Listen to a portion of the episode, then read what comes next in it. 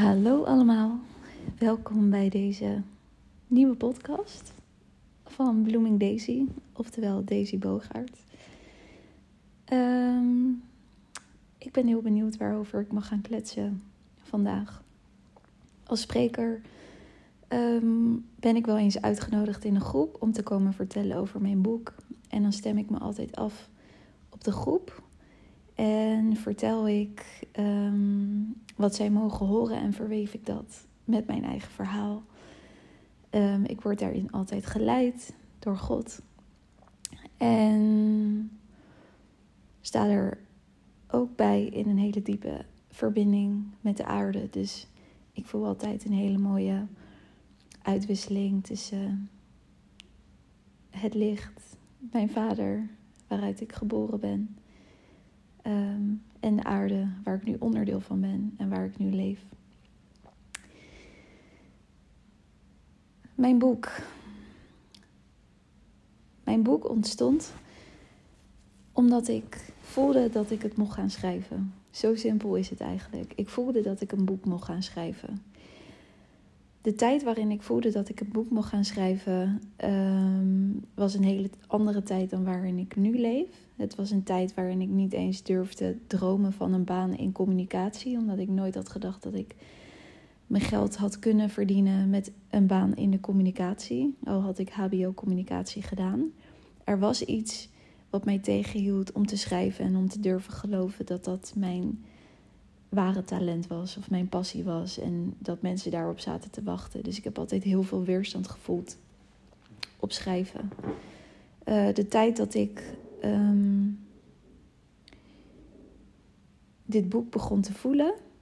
Overigens werd er, werd er waar ik ook werkte, kwam ik altijd weer in de gelegenheid dat mensen aan me gingen vragen: zou je een stukje willen schrijven? Zou je uh, een interview voor ons willen afnemen? En dan zelfs als ik als receptioniste um, bij een bedrijf werkte. Dus ik, ik werd altijd geleid naar schrijven. Dus ergens stond er altijd op mijn naam geschreven dat ik ooit op een dag zou gaan schrijven.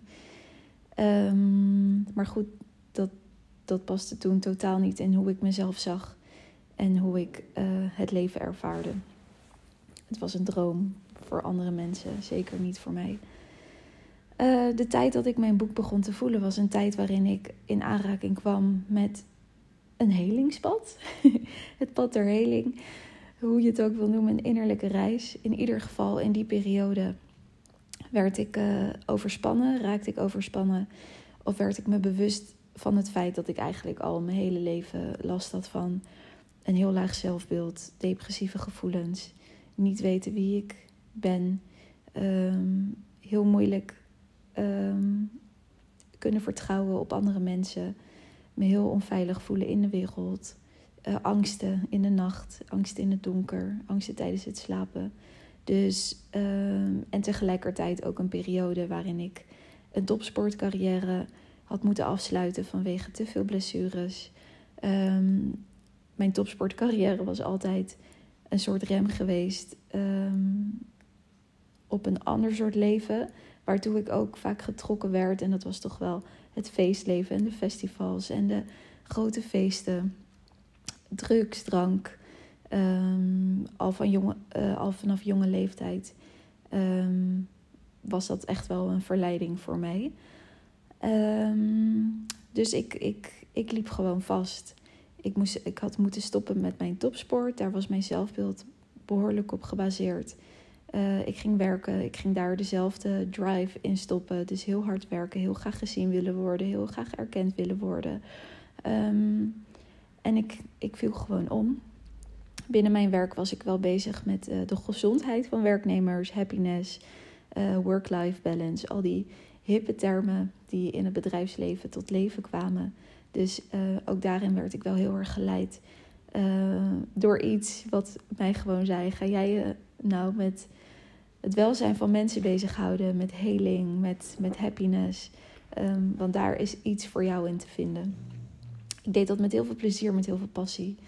Uh, alleen het bedrijf waar ik toen werkte ging failliet. Ik kwam toen bij een ander bedrijf. Nou ja, en toen na een paar maanden was het gewoon klaar.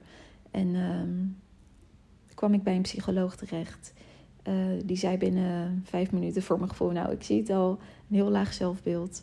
Ehm, en weet ik veel wat voor stempel ik nog meer kreeg. Dus ik kwam in het hokje van een angststoornis. En ehm, ik begon met therapie. En dat uh, gaf mij ergens wel een fijn gevoel. Ik denk in de jaren daarvoor heb ik zo vaak op het punt gestaan om in therapie te willen. Uh, maar iedere keer zei ik dat af. En dan had ik een afspraak gemaakt ergens bij een psycholoog. En dan zei ik ook weer af. Dus iedere keer durfde ik de stap toch niet te zetten. Maar vanaf dit moment besloot ik om er echt voor te gaan. En ik had er eigenlijk wel gewoon zin in. Ik had zin om te gaan kijken naar wat mij dan zo verdrietig maakte en waarom ik dan zo vluchtte in allerlei dingen in het leven. En waarom ik me dan zo ellendig voelde. Ik, ik, ik, ik was bijna een beetje opgelucht van, oh, wat fijn dat ik niet meer hoef door te gaan op de manier waarop ik bezig was. Ehm, dus ja, er ontstonden gesprekken met een psycholoog, een hele warme, fijne vrouw. Ik weet nog dat ik in die tijd bijna niet kon geloven dat zij ehm, oprecht naar mij wilde luisteren. Ik was het niet gewend dat er iemand tegenover me zat die niet direct klaar zat met een eigen verhaal of direct de situatie op zichzelf toepaste om er overheen te stappen. Dus echt iemand die naar me luisterde en dat gaf mij zo'n fijn gevoel. Uh, nou ja, natuurlijk kwam ik bij heel veel uh, dingen uit in mijn kindertijd. Um, ja, dat, dat, dat was het. Alleen, ik was ondertussen, ik, ik weet dat ik de happiness las en ik ging wat boeken lezen over HSP. En ik dacht, oh, ik ben hoogsensitief, dus daar moet ik ook mee leren omgaan. En ik werd steeds wat meer geleid naar de uh, wereld van energie. En ik zeg bewust geleid, want ik geloof wel echt heel erg dat het bij mijn pad hoort dat ik een bepaalde weg heb bewandeld. Um, dus ik kwam van de psycholoog, kwam ik op een gegeven moment las ik in de happiness over healing. En ik wilde dus heel graag healing doen, want ik was wel benieuwd wat er um, nog meer onder de oppervlakte uh, lag. Ik kwam toen bij een healingpraktijk in Scheveningen uit. Um, dat was op het eerste oog of in, in de eerste ervaring gewoon heel erg fijn. Alleen kwam ik daar in één keer met een hele andere wereld in aanraking. Een energetische wereld waarin uh, uh, mensen die er eigenlijk niet meer zouden moeten zijn, in één keer bij me in de kamer stonden. En ik me in één keer bewust werd dat ik eigenlijk al heel mijn leven beïnvloed werd door de geest van mijn overleden oma. Nou, die is overleden toen ik bijna vier was. En zij was een hele um, donkere vrouw. En die energie was er dus eigenlijk ook heel aanwezig in mijn leven. Ik had uh, op sommige dagen had ik bijvoorbeeld in één keer behoefte om naar een bepaalde bloemenstal te gaan. En dat was dan de bloemenstal van de beste vriend die zij vroeger had gehad. Dus ik had van die hele rare dingen waarin ik um, eigenlijk um, een beetje haar wensen uitvoerde. Zonder dat ik dat ooit door had gehad. Dus tijdens die sessies ben ik heel erg geschrokken van die energetische wereld. En eigenlijk ook direct um, heel erg bang geworden. En vanaf dat moment um, ja, werd er een angst die ik al vanaf kleins af aan eigenlijk had. Angst voor het donker. Die werd eigenlijk uh, groter. Um, ja, dus ik ben eraan gaan uh, werken met haar. Uh, om me krachtiger te voelen ook in mijn licht. En ook nee te durven zeggen tegen ongewenste uh, energieën. En dat was allemaal heel erg vanuit uh, zwaarte en, uh, en donker. Maar voelde ik me echt bekrachtigd als mens om daarmee om te gaan? Nee, niet echt. Wat er tegelijkertijd ook gebeurde, is dat ik een heel ander soort energie ging voelen en opmerken. En dat was de energie van onze dochter. Dus van het licht van onze dochter. En ik, heb, ik had dat nog nooit gehoord. En ik zei tegen die healer op dat moment van ja, ik heb het idee dat ik misschien wel iets bij me voel wat ooit een dochter van mij kan worden. En toen zei ze direct, oh ja, dat, uh, dat, dat kan gewoon. Dat had ik ook met mijn zoon. En uh, dus toen ik dat hoorde, dacht ik, wow, oké, hier wil ik meer van weten. Dit is echt het mooiste wat ik ooit heb gehoord. Dus de energetische wereld of de lichtwereld of whatever um, kreeg ineens ook iets ontzettend moois. Want hoe bijzonder dat er een ziel is die bij mij geboren wil worden. Bij mij, bij dit, dit, dit stuk leven, wat het echt gewoon helemaal niet weet op dit moment. Ehm, ik, wil, ik, wil, ik wil er alles aan doen om haar niet in het leven te laten stappen waarin ik ooit heb moeten stappen. Dus ik wil dat zij, als ik straks ooit klaar ben en moeder mag worden, ehm, dat zij op een plek kan geboren worden van liefde en van veel minder pijn. En nu ik dit uh, uitspreek, ontroert dat mij enorm. Ehm, en voel ik daar een emotie bij, omdat ik me nu realiseer en besef dat mijn hele reis tot nu altijd gebaseerd is geweest op liefde. liefde voor mijn ongeboren dochter, liefde voor het leven, ehm, liefde voor de aarde, maar ook liefde voor al die andere kinderen die hier geboren willen worden. Bij moeders zoals ik, die gewoon echt willen zeggen tegen hun ouders van ik wil jou. Ik wil, I want you. You, you, you, you, you. En als je daar nu nog niet op vertrouwt, ga daar dan aan werken. Want ik ga bij jou gebogen worden. En die liefde gaat er zijn in ons leven samen. Vertrouw daar maar op.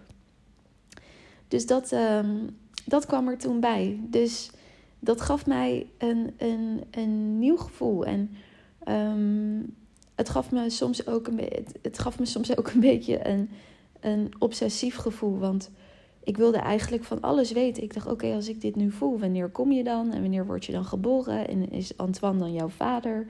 En Antoine die had toen echt heel uitgesproken nog geen kinderwens. Dus daar hebben wij heel veel ruzie over gehad. Uh, omdat hij mij daarin niet begreep. Ik voelde in één keer. Dit, dit voelde voor mij alsof ik al een dochter had. Alleen ze was er nog niet in fysieke vorm. En de hele wereld begreep dat gewoon niet.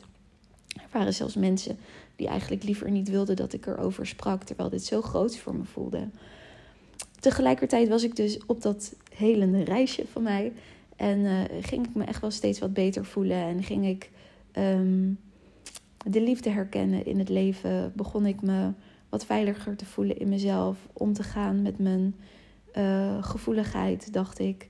Uh, en begon ik daarover te schrijven. Dus toen begon ik blogs te schrijven vanuit Blooming Daisy, die heel erg gingen over persoonlijke ontwikkeling en mentale gezondheid. En uh, dat was eigenlijk het, eigenlijk het startpunt van mijn schrijven.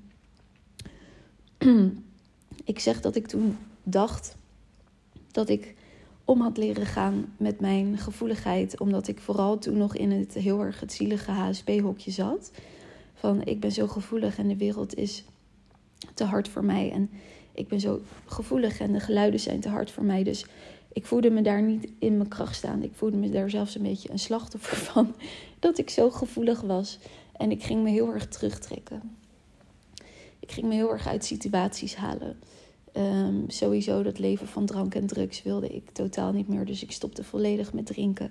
Ik ging echt een beetje meer de kant op van een soort heilig leven. Waarin ik heel erg graag wilde bewijzen dat ik uh, mijn lichtwaardig was.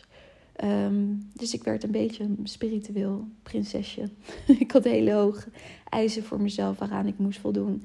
En um, ook dus hele hoge eisen gesteld aan mijn partner. Want ja, ik wilde toch ooit dat gezin vol liefde hier op aarde. Dus ook hij moest perfect zijn. Dus het perfectionisme wat ik in mijn hele leven al mee had genomen, dat kwam ook in het spirituele stukje uh, tot zijn recht.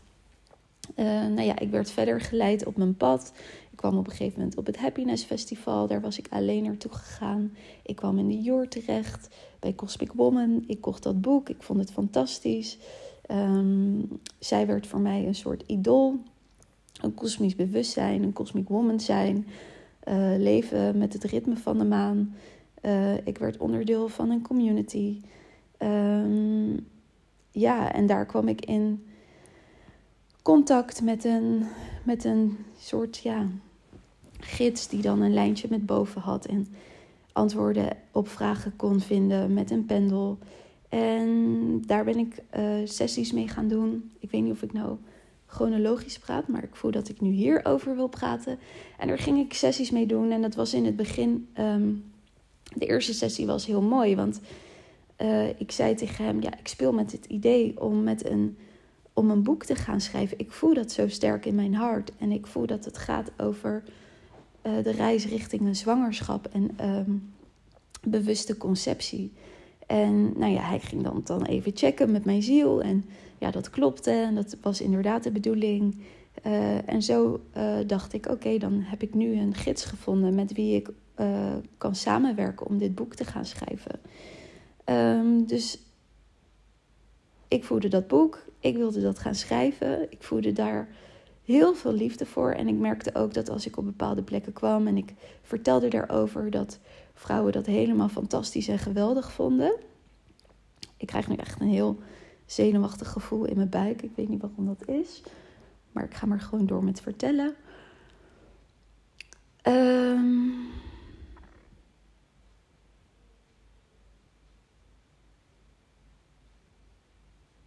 misschien dat deze persoon gewoon niet wil dat ik over hem ga vertellen. Ik zal het ook niet bij naam noemen, maar mensen die mij kennen weten met wie ik gewerkt heb, dus wie, over wie het gaat. Ehm, wat ik heel erg ging merken in deze sessies, wat, was dat er een hiërarchisch verschil ging ontstaan. Dus uh, er kwamen uitspraken zoals: uh, Ik heb Universiteit Plus Plus gedaan, jij uh, doet de hogere universiteit. Maar er was altijd een idee van: um, Ja, ik weet gewoon veel meer, ik ben al veel wijzer, ik weet hoe het allemaal werkt. Um, dit is ook mijn laatste keer op aarde als mens. Uh, waarschijnlijk omdat je dan moet denken dat hij dan daarna een soort guide wordt uh, in de hemel naast God of zo. Ik weet het niet. Um, er kwamen uitspraken, een beetje. Het ging natuurlijk ook over intimiteit en bewuste conceptie. Um, dus er eh, kwamen ook gesprekken over intimiteit en over seks. En ik herinner me dat er een keer een opmerking uh, werd gemaakt van... ik zou wel eens willen weten hoe dat zou zijn met een licht zoals jij seks te hebben. Dus nu met mijn normale functionerende brein... die niet helemaal in al is van iemand anders... denk ik dat is gewoon echt niet oké. Maar op dat moment slikte ik dat allemaal als zoete koek. En ik ging daar natuurlijk niet op in, maar ik lachte het een beetje weg. En ik dacht, ja, het zal wel. Het is vast heel bijzonder voor mensen om mijn licht te kunnen zien. Ik weet het niet. Um, nou ja, dat ging zo een beetje door en ik was aan het schrijven. En um, ja, dat voelde goed, het schrijven. En uh, ik was onderdeel van een bepaalde community. Ik ging daar op een gegeven moment uh, naar een uh, een avond in een yurt. Uh, waar we uh, een rieten van de baarmoeder gingen doen. Um, ik had die dag ontzettend veel hoofdpijn, weet ik nog. En uh, ik ben er uiteindelijk naartoe gegaan. echt vanuit een hele sterke wil, omdat ik daar zo graag bij wilde zijn. Um, maar nu ik inmiddels weet hoe liefde en verbinding voelt met elkaar, herken ik ook de plekken waar dat eigenlijk helemaal niet zo was.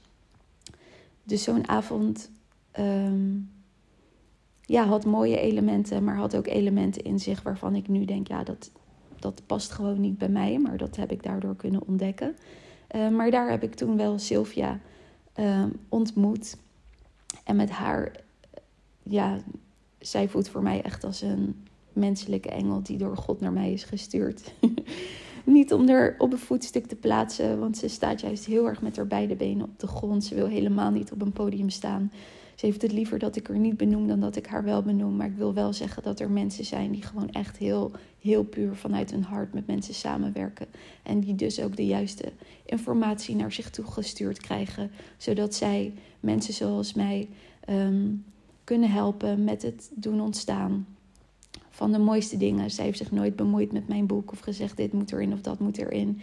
Zelfs in onze sessies bespraken we mijn boek niet eens. Het enige wat ze vroeg was hoe gaat het schrijven? En dan zei ik goed, maar de inhoud hebben we nooit besproken. Dus dat wil ik wel heel duidelijk maken. Um, maar ik ontmoette haar daar en ik, ik voelde zoveel vreugde in mijn hart. Ik dacht, met jou moet ik gewoon, met jou moet ik gewoon gaan werken.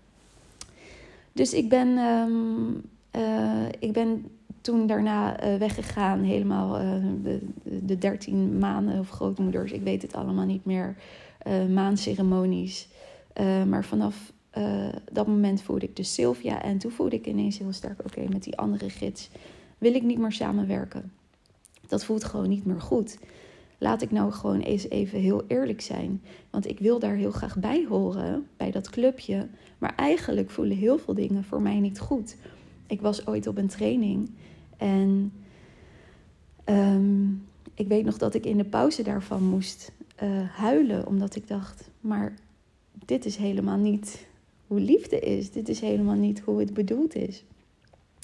En dan krijg je verhalen van ja, dat is dan je ego die misschien tegenstribbelt.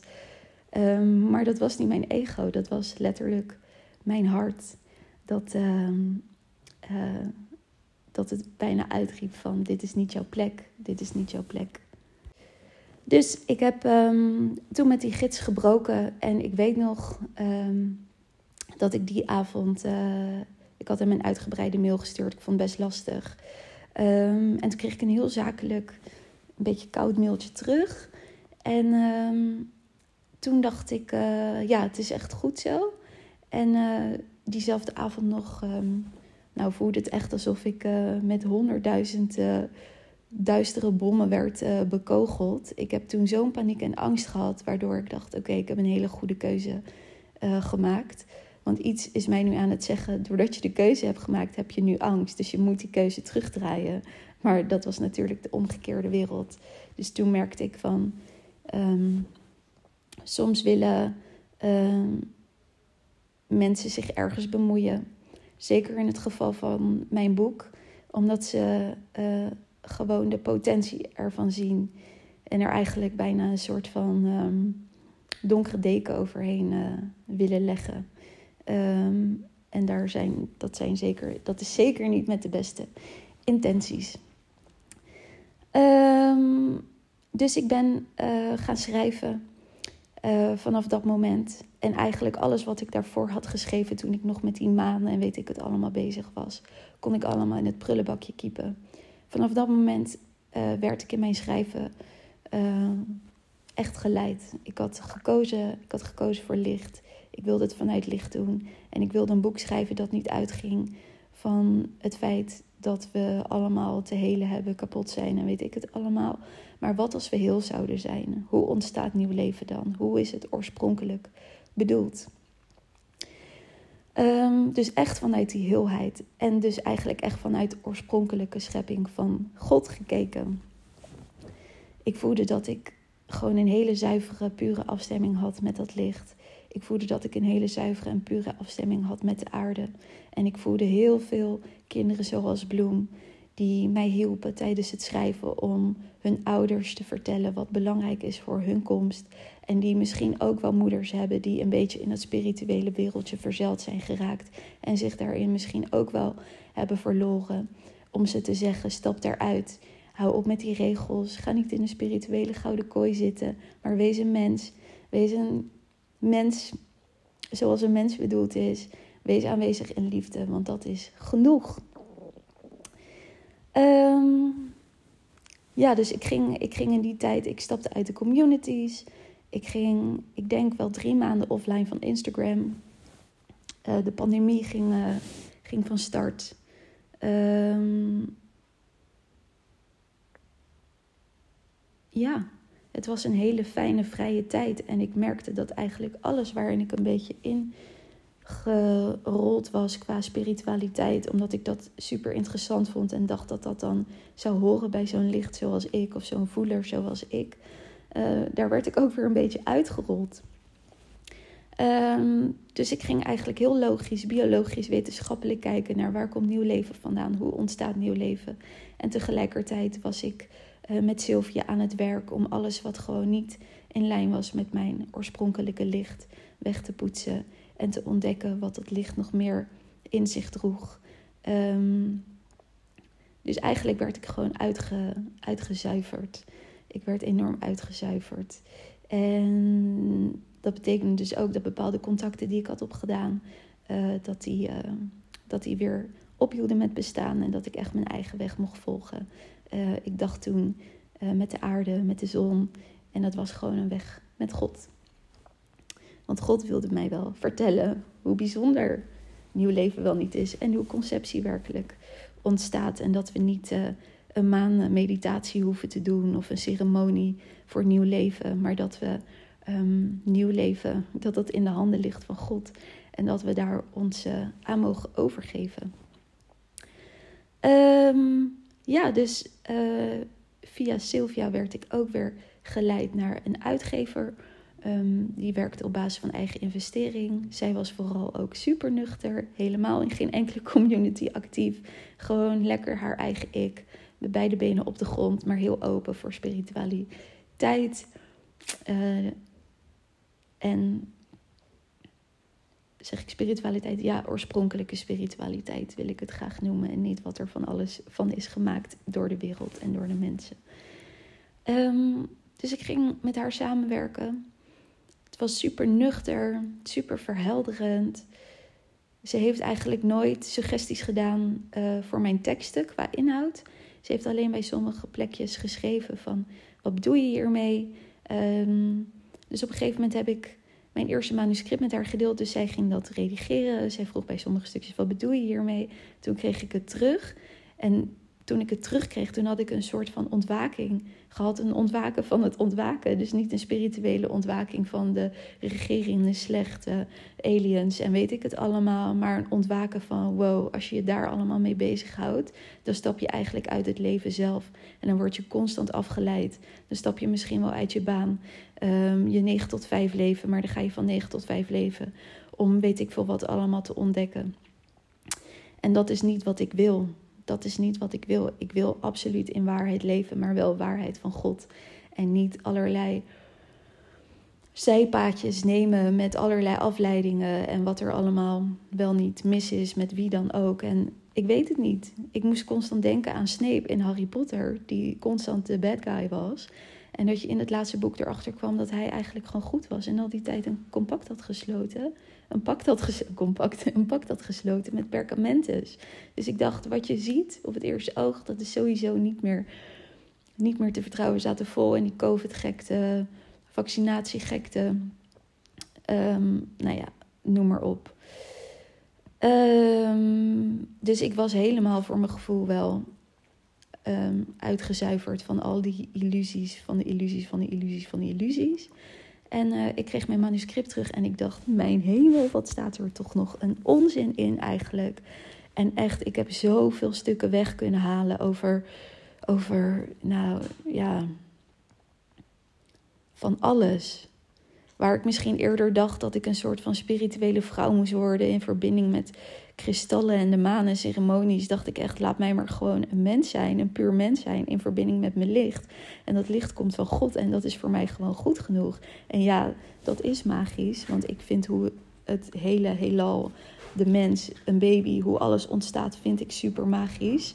Ehm, maar dat is wel gebonden aan natuurlijke wetten en dat zal nooit ontstaan uit mijn handen zonder toestemming.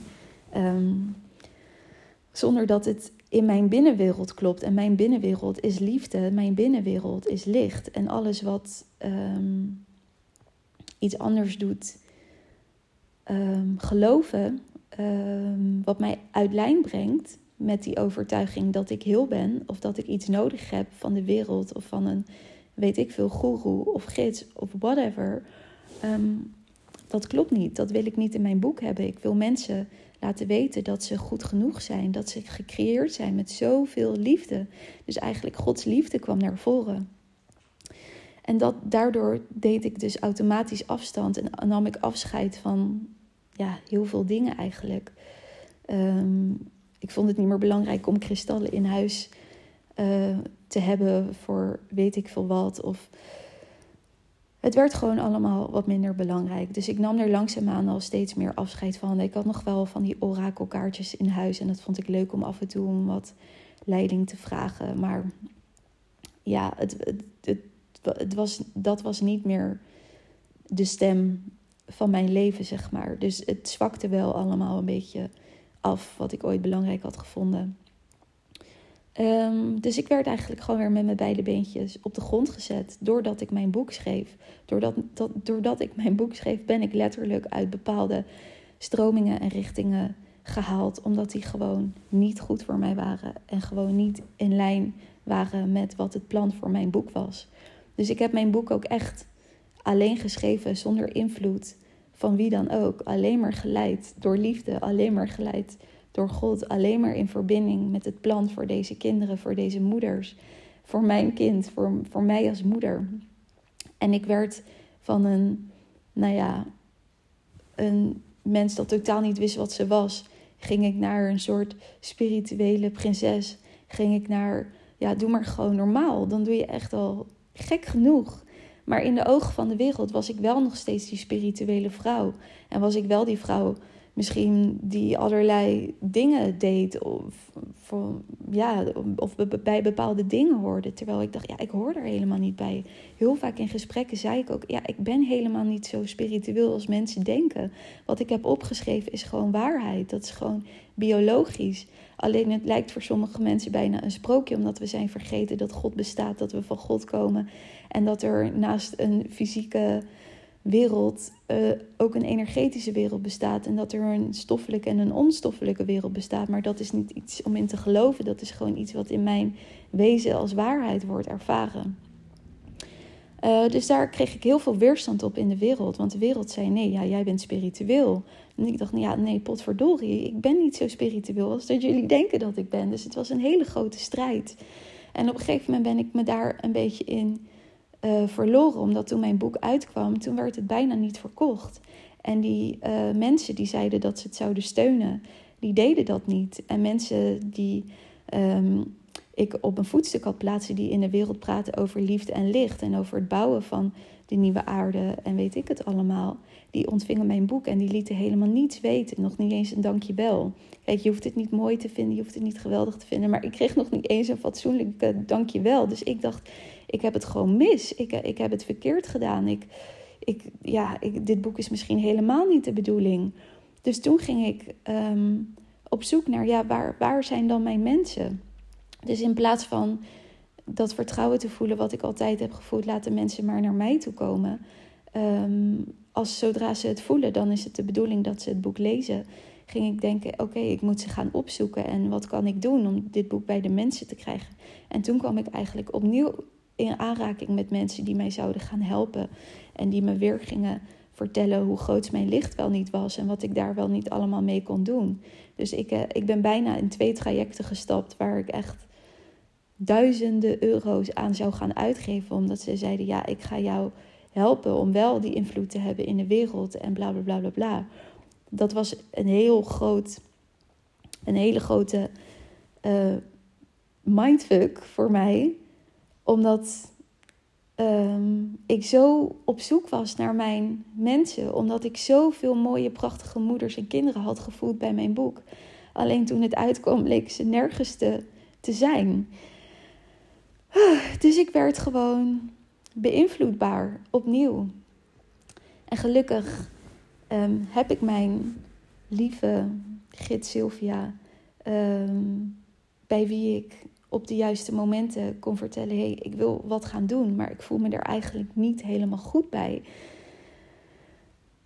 En dat ze al tegen me zei: Oh, Daisy, als je dit al zegt, wat denk je dan? En dat, toen dacht ik: Ja, ja. En uh, de laatste keer dat dat gebeurde was afgelopen zomer. En toen heb ik tegen haar gezegd: Oké, help me alsjeblieft om een mens te zijn en me te vertrouwen te vertrouwen om een mens te zijn. Want ik voel dat er nog dingen zijn die niet oké zijn, waaraan ik gewoon wil werken. Waardoor ik niet meer zo vatbaar ben voor die verhalen. Waardoor ik gewoon stevig ga staan, waardoor ik ga vertrouwen. Ik was toen inmiddels al moeder geworden. Um, ja, dus, dus help me alsjeblieft. En in dat nieuwe traject met haar, waar we eerst nog helemaal vol door het licht gingen en echt uh, alle uithoeken van mijn lichtwezen hadden bekeken, gingen we nu heel erg in mijn mens. En ik kwam ook achter shit en dat ik gewoon nog shit bij me droeg, waarin ik niet had willen stappen of willen voelen, omdat ik het gewoon te pijnlijk, te eng vond. Uh, dus al die keren dat ik die sessies had gedaan met andere mensen, waarin alleen maar de focus lag op mijn prachtig mooie licht. Um, ja, stapte ik eraan voorbij dat ik nooit, nooit in dat licht kon gaan leven als ik nog ja, eigenlijk stinkende wonden in me droeg. Dus daar ben ik aan gaan werken en toen kwam God heel sterk naar voren. En ik zei op een gegeven moment: Ik wil eigenlijk heel graag over God praten, want ik voel dat daar een relatie is die ik heel erg graag wil onderzoeken. Maar al die religie en uh, Jezus en ehm, alles wat ik daarover heb gezien in de wereld vond ik eigenlijk verschrikkelijk en daar wil ik me niet mee identificeren. Isabelle Chapin die begon te praten op Instagram. Uh, en iedere keer bleef ik er maar naartoe getrokken worden. En waar ik het eerst echt vervloekte, ging ik op een gegeven moment de liefde zien. En um, ging ik preken kijken. Um, en toen dacht ik in één keer, potverdikkie. dat ontwaken van het ontwaken, wat ik dacht te hebben gedaan in het jaar daarvoor, dat had mij zeker geholpen om een heel zuiver boek neer te zetten. Alleen toen het in de wereld kwam, toen kwamen er allemaal energietjes eigenlijk van, hmm, kom in ons kamp, hmm, kom maar bij ons, kom maar bij ons. Omdat het gewoon zo duidelijk was dat dit boek verbonden is, is aan iets groters dan ikzelf. En dat moest op een bepaalde manier, denk ik, gewoon ehm, verhinderd worden. En of ik dat nou dan vanuit mezelf of vanuit mijn pijn heb gedaan of wat dan ook. Ik heb echt heel veel uh, weerstand, misleiding ehm, en van alles en nog wat ervaren in die wereld. Die zei dat ze me zo zouden omarmen. Toen ik werkelijk mijn waarheid ging spreken, werd ik helemaal niet omarmd. Sterker nog, ik werd afgewezen, ik werd genegeerd en er werd gedaan alsof ik gewoon niet meer bestond. Dus die liefde waarover ik sprak en schreef, die was helemaal niet welkom op die plekken waar zoveel over liefde en licht werd gesproken. Ehm, ja, dus waar ben ik nu in mijn verhaal? Wat, wat wil ik nu hiermee zeggen? Wat mag ik hier nu mee zeggen?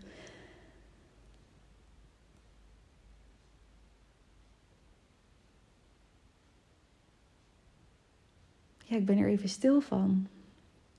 Wat ik hiermee wil zeggen is dat ik, ondanks dat ik de allerbeste en zuiverste intenties had met mijn boek vanaf het begin. En dat het boek echt volledig vanuit liefde is geschreven en echt alleen maar heeft kunnen bestaan omdat het gewoon door God geleid is.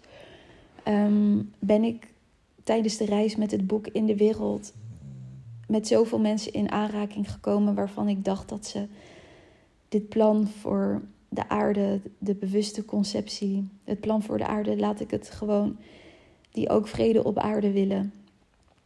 Ehm, daar ben ik heel erg door um, teleurgesteld eigenlijk, omdat ik dacht dat al die mensen in die wereld de allerbeste intenties hadden. Ehm, en dat bleek gewoon niet zo te zijn.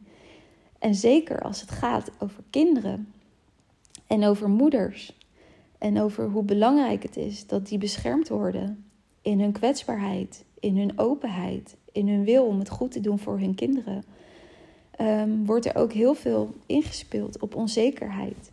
Worden er heel veel moeders gewoon misleid in te moeten denken: je hebt dit nodig, je hebt dat nodig. Oh, je bent een vrouw. Um, de vrouwelijke energie. Ik ben ooit bij een, een, uh, een uitgever geweest waarvan ik dacht dat ik daarmee zou moeten werken, omdat zij een, uh, um, hoe zij, een nieuwe tijdsuitgever was. En zij vond heel erg dat mijn boek ging over de divine uh, feminine. En uh, dat je misschien wel op sommige planeten dat ze daar een diploma moeten halen voordat ze een kindje mogen krijgen. En dus daar was ook weer heel veel invloed van. Um, van zo zou je boek eigenlijk moeten worden. Dus daar ben ik toen eigenlijk ook heel snel weg uh, geleid. Dit boek is zo puur en zo eerlijk en zo kwetsbaar en zo open dat als het in de juiste handen terechtkomt, dat het in hele goede handen is en dat het heel veel voor je kan betekenen omdat het je echt in contact brengt met onvoorwaardelijke liefde. En mensen die nog niet vanuit die onvoorwaardelijke liefde leven en er überhaupt eigenlijk stiekem nog niet in geloven, terwijl ze er wel over prediken, die weten niet wat ze ermee aan moeten. Die, die doet het bijna pijn aan hun ogen. Die branden hun handen bijna aan de kaft. Omdat ze het gewoon echt niet weten. Ehm, dus waar mijn verhaal vandaag over gaat. Is dat het echt, echt, echt oké is als je op bepaalde momenten hebt gedacht van... oh, ik heb het nu gevonden bij deze persoon. Of deze persoon gaat me misschien wel helpen om mijn ware zelf te belichamen op deze aarde. En het is echt helemaal oké, want we komen uit zo'n zo, ik kwam uit zo'n liefdeloze wereld eigenlijk. Dat alles wat maar een fractie van die liefde in zich had, of maar een beetje op die liefde leek, waar ik zo naar verlangde, dat ik dat met beide handen aangreep en hoopte dat ik daar mijn verlossing in zou vinden. Ehm, de realiteit was dat ik het heel erg extern heb gezocht en buiten mezelf heb gezocht. Terwijl toen ik vanuit dat licht echt ging schrijven, zei God eigenlijk tegen mij: uh, Lief kind, lieve dochter, ik heb jou gevuld met zoveel liefde, zoveel wijsheid, zoveel kennis, zoveel licht. En ik weet dat je daar iets heel moois mee gaat doen. Ik weet dat je daar iets heel prachtigs mee gaat doen. En ik ga je daarmee de wereld insturen. En je gaat daarmee in verleiding komen om misschien wel een pad te kiezen. Wat, jij, wat jou niet past. Maar weet dat ik jouw herder ben. Komt hij toch? Ik dacht, ik ga niet van dat soort dingen zeggen. Maar weet dat ik jouw herder ben. Dus al dwaal je af, ik zorg altijd dat je weer op het juiste pad terechtkomt. Want dit boek is de bedoeling en dit boek gaat er komen en jij gaat dit boek maken. En ik ga je bijsturen en ik ga de juiste mensen op je pad komen. En je gaat voelen wie niet de juiste mensen voor je zijn. En je gaat dit boek geboren laten worden in de wereld. En het gaat mensen helpen. En het gaat mensen wakker schudden. En het gaat mensen uit die spirituele misleiding halen. Want nee, je hebt geen kristallenzet nodig om zwanger te raken. Je hebt geen kwantumveldmisleiding nodig om een baby te manifesteren. Je hebt het vertrouwen nodig in God. Je hebt het vertrouwen nodig in de natuur.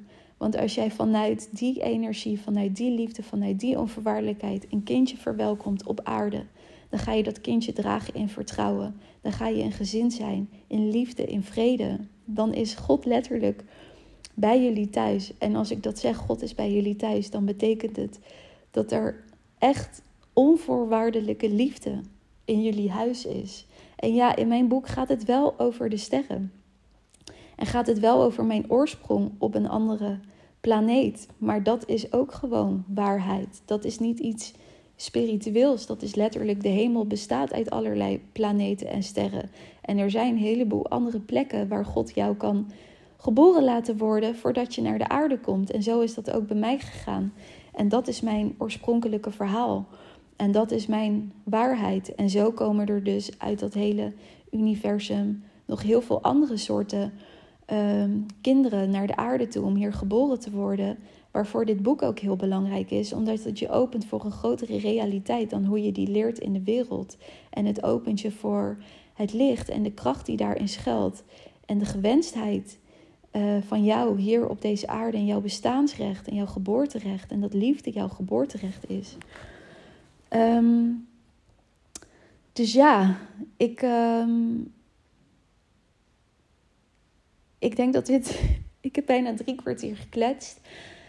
Um, maar vandaag werd, werd ik erop gewezen dat je soms dingen niet alleen maar moet doen voor je eigen gewin om, of om je bedrijf te laten groeien, maar dat je verhaal misschien wel een katalysator kan zijn voor een ander, een opening voor een ander. Ik weet dat er nu superveel mensen tussen het spirituele en God in aan het hangen zijn. En dat ze moeten denken, dat ze bijna denken: is alles wat ik heb gedaan wel juist? Ben ik fout geweest?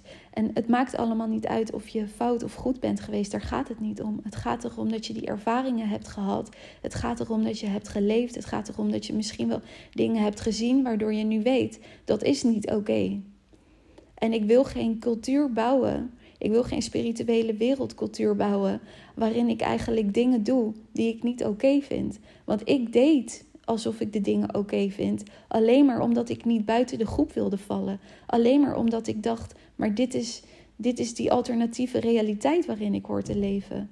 Maar ik ben eruit gestapt en het is echt best wel moeilijk soms en het vraagt gewoon om heel veel vertrouwen in God en heel veel vertrouwen in de woorden die ik heb mogen opschrijven. Maar iedere keer word ik eraan herinnerd dat dit boek groter is dan ik. Dat het werk, mijn verhaal, groter is dan ik. En als ik iemand kan helpen vandaag door het delen van mijn verhaal en door te vertellen dat het oké is om in spirituele misleiding te stappen, dat er echt altijd iemand is die ontzettend van je houdt, die erop wacht totdat je thuis komt, die je met open armen gaat ontvangen, die met zoveel liefde klaarstaat om jou te ontvangen. Als ik iemand dat mag meegeven met dit verhaal, dan doe ik dat met al mijn liefde. En dat doe ik niet alleen voor mezelf, maar dat doe ik ook voor alle moeders die in deze tijd zwanger willen worden, die in deze tijd van hot naar her worden gestuurd en zo ver van zichzelf um, zoveel afleiding krijgen en zo ver geleid worden van zichzelf eigenlijk. En ik wil je terugbrengen naar jezelf, naar je oorspronkelijke verhaal, naar de liefde die je bent, naar het kind van God dat je bent. De zon der zonne, de grootste bron van wijsheid, heeft jou laten ontstaan. Heeft jou geholpen om naar de aarde te reizen en geboren te worden met je ouders. En als die ouders je pijn hebben gedaan, dat spijt dat me voor je. Ik weet hoe het is. Ik weet hoe het is om niet begrepen te worden. Ik weet hoe het is om ontkend te worden. En ik weet dat het pijn doet. Maar er is één iemand die je nooit zal ontkennen. Maar dan ook echt nooit. En dat is God. En die is er voor jou. Dus pak zijn hand. Pak mijn hand. Laat me je helpen voelen wat liefde is. En dan niet zomaar liefde, maar de grootste liefde. Stap daarin met vertrouwen. Hou mijn boek vast om er een vleugje van te krijgen, maar weet dat dit boekje gaat leiden naar de bron in jou. En die bron in jou zal je uiteindelijk thuis laten komen bij God. In jouw leven, hier op deze prachtige aarde. Want deze aarde heeft ons nodig. Deze aarde heeft het niet nodig dat we nog honderdduizend kristallen uit de grond gaan boren, want dat is haar lichaam. En we doen haar pijn als we dat doen. En er zijn zoveel dingen die worden gedaan omdat we denken dat we ze nodig hebben. Maar als we naar de natuur van alles kijken, als we naar de, de biologie gaan kijken, als we naar de eenheid in alles gaan kijken, dan gaan we zien dat wat we denken dat we doen om de aarde te helpen, haar eigenlijk beschadigt. En ik weet dat dat niet leuk is om te horen, maar je moet het wel horen. Want laten we alsjeblieft hier de dingen gaan doen vanuit een duurzaam perspectief. Vanuit het gunnen van rust aan het nieuwe bewustzijn dat diep in de aarde geboren is. Laten we haar helpen om die oude lagen los te laten en te laten helen. Laten we ons openstellen voor de begeleiding van God. Want die heeft het masterplan en die weet waar jij nodig bent. Dus vertrouw daarop. Weet dat je hier welkom bent. Weet dat jij liefde bent. Weet dat jij als een prachtige, mooie ster bent, nu levend als een mens op aarde. En open je hart voor die waarheid. Want jij bent zo welkom, maar je bent ook echt nodig. En deze kinderen hebben moeders nodig die hier ontwaakt in hun kracht als een moederleeuwin staan. Want al vanaf de zwangerschap word je afgeleid. Al vanaf de zwangerschap en zelfs daarvoor gaan mensen aan jou vertellen wat goed voor jou is. Maar niemand, niemand kan jou vertellen wat goed voor jou is. Dat kun jij alleen maar zelf voelen, want dat voelen staat in verbinding met jouw thuis. En jouw thuis is jouw licht en jouw licht komt van God. En zo is alles prachtig mooi verbonden. Dus dank je wel voor het luisteren. Ik hoop dat ik je hiermee heb kunnen helpen of kunnen inspireren.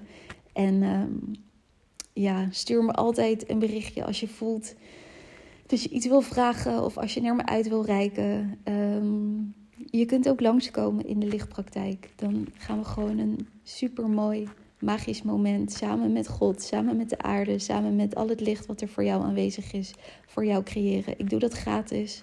Het is kosteloos. Het is op donatiebasis officieel, maar ik doe dit echt vanuit liefde. En ik weet dat God op een manier altijd voor me zal zorgen. En hij vroeg me. En ik voelde en ik zei ja tegen dit doen op donatiebasis. En dat is gewoon de manier waarop ik nu wil werken. Want ik heb liever dat heel veel mensen, met welke portemonnee dan ook, geholpen kunnen worden. Door deze prachtige liefde in deze praktijk. Ehm, dan dat ik uh, moet gaan manifesteren en uh, mijn money mindset moet inzetten om weet ik veel wat te vragen voor iets wat ik gewoon vanuit liefde door wil geven aan een ander. Dus dank je wel. Een hele dikke kus voor jou en heel veel liefde. En wie weet zien we elkaar. En zo niet, dan wie weet tot ooit. We zijn in ieder geval sowieso in liefde verbonden. Want we zijn samen één grote familie. En het is heel belangrijk en de hoogste tijd dat we dat gaan herinneren.